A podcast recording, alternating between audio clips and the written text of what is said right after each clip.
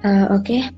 uh, halo selamat malam semuanya para pendengar Dimsum dan kembali lagi bersama Dimsum, diskusi sehat ala mahasiswa. Uh, episode Dimsum kali ini, saya Rizka Eftitahnia sebagai narasumber akan memulai sebuah tema yang berjudul Perkembangan Pendidikan Selama Pandemi dan Memasuki Era New Normal. Nah, pada episode kali ini kita akan berdiskusi dengan narasumber kita nih uh, yang bernama Ibu Ria Nur Fadila. Beliau lulusan SMK jurusan akuntansi angkatan tahun 2013. Uh, beliau juga seorang ibu rumah tangga yang di mana kesehariannya itu Beliau seorang wirausaha juga dan tentunya pasti mengurus anak yang masih sekolah. Uh, baiklah, uh, kali ini saya sudah terhubung dengan Ibu Ria nih. Uh, halo, assalamualaikum Ibu. Selamat malam. Malam, waalaikumsalam.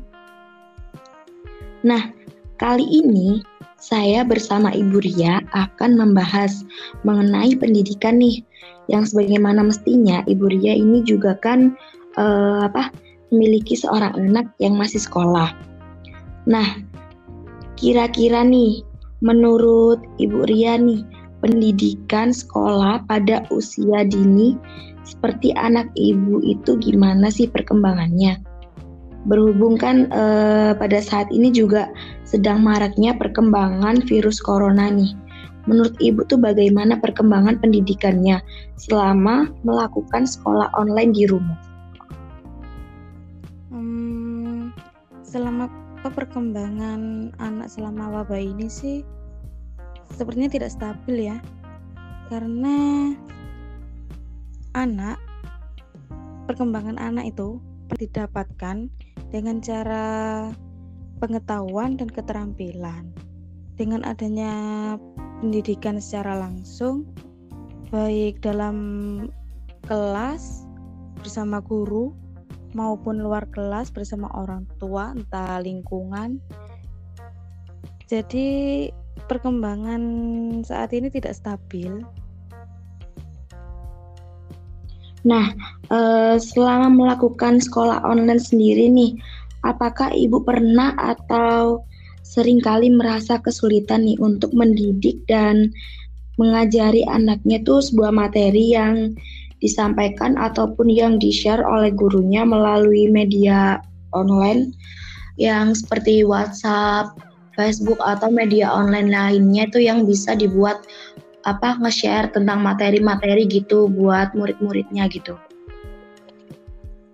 Hmm, sering sih merasa kesulitan, apalagi anak saya kan masih umur lima tahun ya, di mana usia ini anak itu lebih senang bermain. Kebanyakan anak kalau sudah di rumah mereka itu sering terbawa suasana yang tidak kondusif tanpa pendamping guru. Seusia anak saya, seharusnya kan langsung belajar di kelas bersama guru dan teman-teman. Bisa langsung belajar dan bermain sekaligus.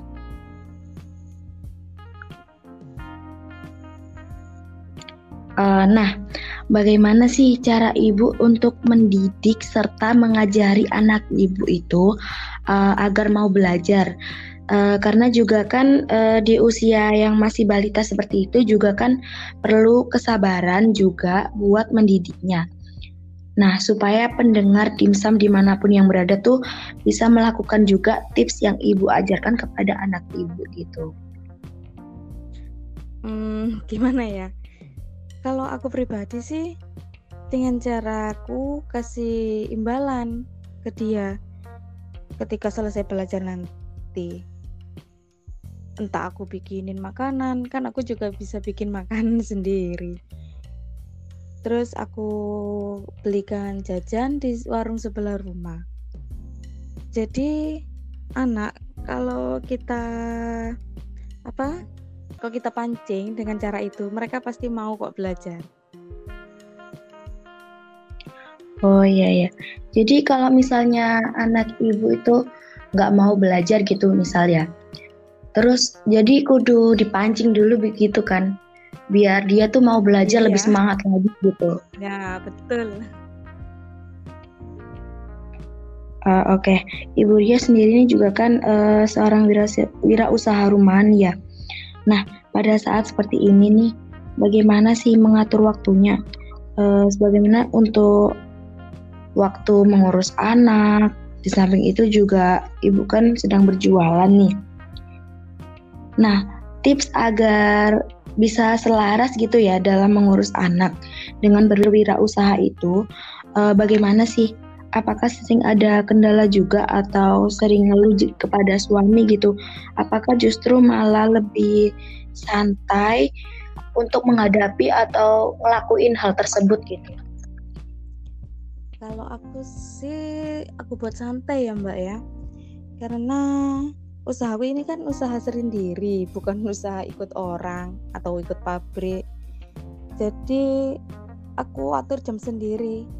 Biasanya aku dahulukan yang di rumah, ngurus anak, nyapu dan lain-lain. Pastinya aku urus apa? Aku urus dahulu.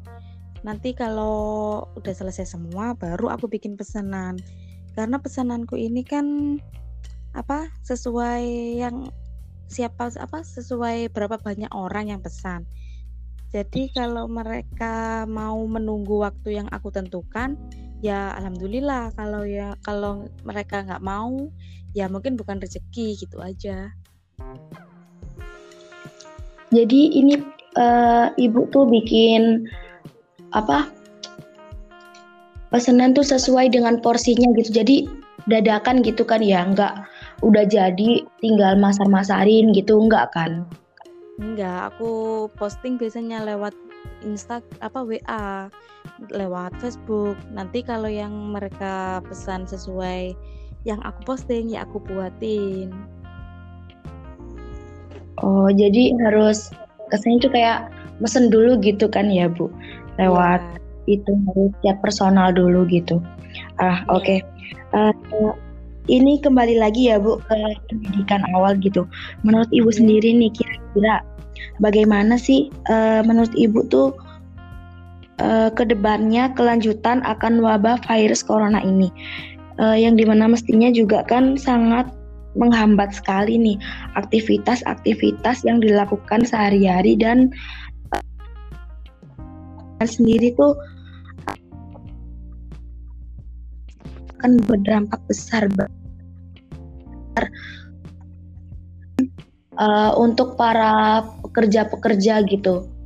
Maupun pekerja kantoran atau apalah yang penting tuh kayak gimana gitu. Dampaknya tuh seperti apa Sebenarnya gitu. miris juga ya apalagi apa masalah pendidikan.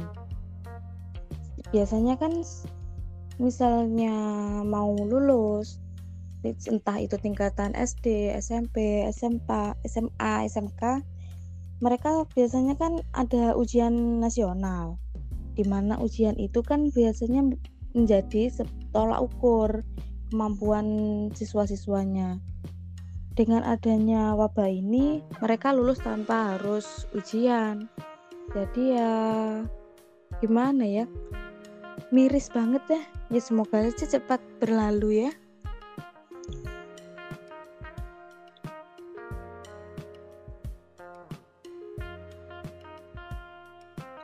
Nah, uh, untuk itu ya, misal pendidikan kan UNAS itu kan sebagai tolak ukur nih.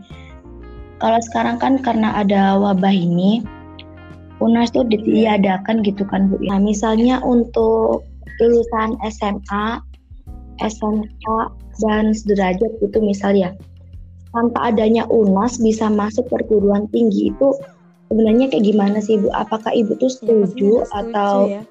Karena, gimana gitu? Apa ya? UNAS itu kan biasanya jadi patokan sih.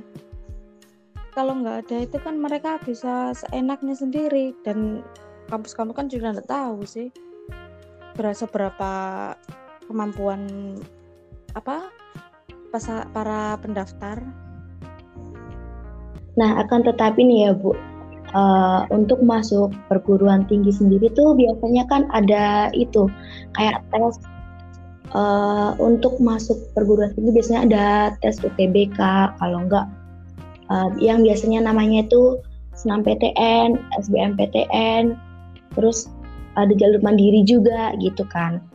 Nah menurut ibu tuh biasanya tuh kalau dilihat dari skill atau kemampuannya nih, yang paling cocok tuh biasanya tuh kalau buat masuk perguruan tinggi tuh yang kayak gimana sih? Kemampuan mahasiswa itu kayak gimana? Apakah lulusan dari SMK gitu? Kalau enggak dari SMA kalau aja gitu. Tes mau masuk ya enggak enggak masalah ya. Entah itu lulusan SMA atau SMK karena kan setiap mau masuk apa universitas kalau ada tes itu kan otomatis kan diseleksi dulu ya lewat apa tes itu sendiri?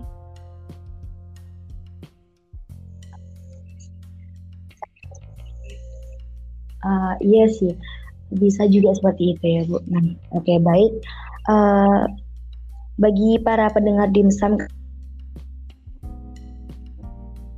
kita kali ini nih.